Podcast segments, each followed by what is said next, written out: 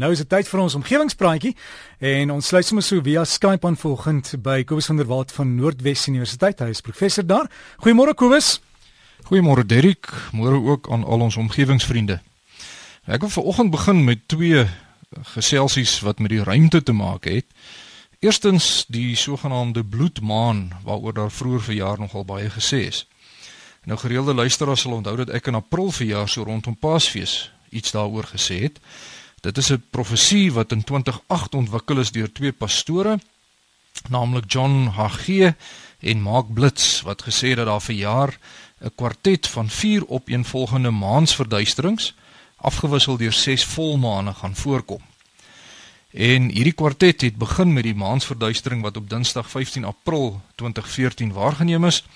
En pastoor Blitz het voorspel dat die wederkoms van Jesus Christus sou plaasvind tydens die laaste maansverduistering terwyl pastoor Agee gesê het dat die kwartet 'n teken vir die volk Israel is dat daar iets merkwaardig en noemenswaardig in hulle geskiedenis gaan gebeur. Nou ja, die laaste maansverduistering van die kwartet het toe reeds op 28 September verjaar plaasgevind en daar het toe net mooi niks gebeur nie. Net soos daar nog nooit van tevore enige merkwaardige dinge gebeur het op grond van duisende ander mense of groepe wat sulke voorspellings gemaak het nie. Nou toe ek in April verjaar gesê het dat die voorspellers nonsens praat, toe het 'n hele paar mense vir my geskryf en my nogal aggressief aangevat daaroor. Maar ek hoop dat die bloedmaan voorspelling wat toe op niks uitgeloop het nie, maar net weer vir almal sal wys dat die Bybel maar geglo kan word, naamlik dat geen mens kan voorspel wanneer die wederkoms sal wees nie. So gepraat van goed wat ons in die hemelruim kan sien, 'n opwindende paar weke lê voor vir die mense van die Europese Ruimteagentskap. Want eerskomende Woensdag, dis die 12de November, sal die Rosetta ruimtetuig op 'n afstand van net 20 km van die komeet met die naam 67P en die naam is is twee uh, navorsers se name, dis Churyumov en Gerasimenko. Nou hierdie komeet met die vreeslike naam, ons Rosetta ruimtetuig gaan net 20 km van hierdie ding af sweef.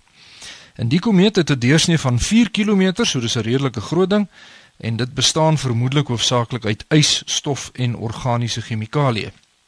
Nou op die Rosetta ruimtetuig is daar 'n kleiner tuigie wat dan vir die eerste keer ooit op 'n komeet sal probeer land. Nou die klein verkenningstuigie wat Philae heet, sal 7 ure lank neem om die 20 km na die komeet toe af te lê. En as alles goed gaan, behoort die klein tuigie dan te kan begin om te ontleed presies waaruit die komeet bestaan. Nou mense sal dalk kan vra waarom dit belangrik is om te weet waaruit 'n komeet bestaan. En die rede daarvoor is dat die komete uit die oermateriale bestaan waaruit planete oorspronklik gevorm is. En hierdie analises kan ons kennis oor hoe die planete ontwikkel het baie verryk. Wat vir my verstommend is, is dat hierdie ruimtesending reeds 10 jaar lank aan die gang is. En die Rosetta ruimtetuig is op 'n baie ingewikkelde baan gestuur sodat planete se gravitasie gebruik kon word om aan die tuig die korrekte spoed en posisie in die ruimte te gee om die komeet te onderskep. Dit het ongelooflike akkurate berekeninge geverg en ek sien regtig uit daarna om te sien wat ons alles gaan leer uit hierdie sending. So as u ook in sulke goed belangstel, hou gerus die media dop vir die volgende paar weke soek maar net na die webwerf van die Europese Ruimteagentskap. Maar kom ons kom terug aarde toe. En ek wil graag vir oggend die een en ander vertel van sommige van die aktiwiteite wat by die NRF se Suid-Afrikaanse Omgewingsobservasie Netwerk aan die gang is. In Engels is dit die South African Environmental Observation Network en die afkorting daarvan is SION, S A I O N. Nou omgewingsvriende, ons hoor net altyd die slegte nuus oor die omgewing en dan kan mens maklik begin dink dat alles onomkeerbaar op die afdraande pad is hier op aarde. Maar dit is gelukkig nie so nie. Daar word regtig baie omgewingsnavorsing gedoen en ek noem graag so 'n paar van hierdie inisiatiewe. Eerstens is daar onlangs 'n atlas van seevoëls vrygestel wat reeds groot vrug afwerp in navorsing oor ons marine omgewing. Tweedens is daar navorsing aan die gang oor waarom die Letaba rivier in die Kruger Wildtuin se vloeivolume so afgeneem het oor die afgelope paar jaar. Derdens kyk Sion tans na die gebruiksmoontlikhede van 'n virtuele globale omgewing, met ander woorde 'n nabootsing van die omgewing op 'n rekenaarnetwerk om makliker te kan voorspel wat die resultaat sal wees van menslike invloede op die omgewing. Vierdens is daar navorsers wat kameras in die see gebruik om die toestand van die organismes en hulle habitatte in ons kuswaters te bepaal. En dan is daar 'n program waar oseanograwe kyk na presies wat gebeur waar die koue die koue Benguela stroom en die warmer Mosambiek strome mekaar ontmoet sodat ons regering beter sal kan sorg vir die volhoubaarheid van ons visbronne. Dan is daar ook programme wat in samewerking met die Europese Ruimteagentskap gedoen word, programme wat watergehalte in ons land moniteer, ander programme wat ekologiese velddata versamel, verskeie opleidingsprogramme om ons jong mense bewus te maak van omgewingsprobleme en so kan ek aangaan. Daar word regtig baie en oulike wetenskaplike navorsing in ons land gedoen in samewerking met SAION en natuurlik by verskeie ander navorsingsinstansies en ook by ons universiteite. En dit is uitstekende nuus wat mens hoop gee vir die toekoms. Maar alles is ongelukkig nie maanskyn en rose nie. Op SAION se webwerf het ek 'n aanhaling gesien van die bekende wetenskapfiksieskrywer Isaac Asimov. En die aanhaling lui dat the saddest aspect of life right now is that science gathers knowledge faster than society gathers wisdom. Met ander woorde die wetenskaplike feite oor presies hoe die mense om die omgewing beïnvloed en wat ons daaraan moet doen, dit raak al hoe duideliker en dit is aan die meeste mense redelik goed bekend. Maar ons en ons leiers neem nog nie die korrekte wyse besluite op grond van hierdie wetenskaplike feite nie.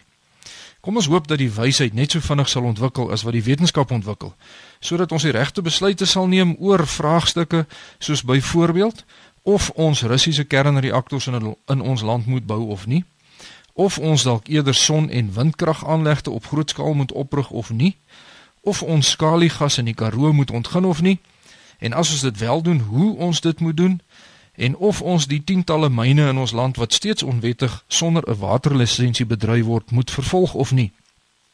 Omgewingswysheid is iets wat op baie plekke ernstig kort kom. Soos byvoorbeeld die verstommende en tragiese verhaal van die stadsraad van Johannesburg wat 'n klomp uile op skoolterreine in die Alexandra woongebied gevestig het om die vreeslike klomp rotte te vang. Omgewingsvriende sal dalk onthou dat die mense van Alexandra 'n tyd gelede erg gekla het oor die duisende rotte wat self slapende babetjies aangeval het.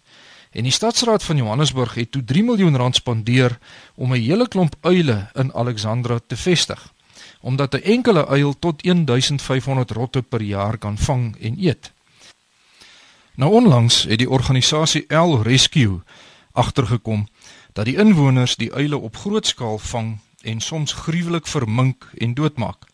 En dit het waarskynlik te maak met bygelowigheid. Soos byvoorbeeld dat 'n uil wat op 'n huis se dak sit en roep, 'n teken is dat die inwoners van daardie huis die een of ander teespoed kan verwag. Daar is eenvoudig net nie meer plek in die tyd waarin ons leef vir sulke ongelooflike onkunde en wreedheid teenoor diere nie. En ek hoop dat die skuldiges met die volle mag van die reg kennis sal maak. Wat egter net so belangrik is, is dat omgewingsopvoeding hierdie mense ook moet bereik sodat sulke goed nie sal gebeur nie. En Sion doen gelukkig reeds mooi werk in hierdie verband. Maar ek dink ek stem saam met Isaac Asimov dat ons baie meer pogings moet aanwend om omgewingswysheid by alle mense te kweek. Omgewingsvriende, daarmee sluit ek af. Skryf gerus vir my by kobus.vanderwalt by nwu.ac.za of by die fakulteit Natuurwetenskappe Noordwes Universiteit Potchefstroom 2520. Vriendelike groete tot 'n volgende keer. Kobus, dankie en geniet jou naweek ook verder en daai e-posadres gaan weer vir jou gee. Kobus.vanderwalt by nwu.ac.za. Kobus is met 'n K, so dis kobus.vanderwalt aan mekaar by nwu.ac.za.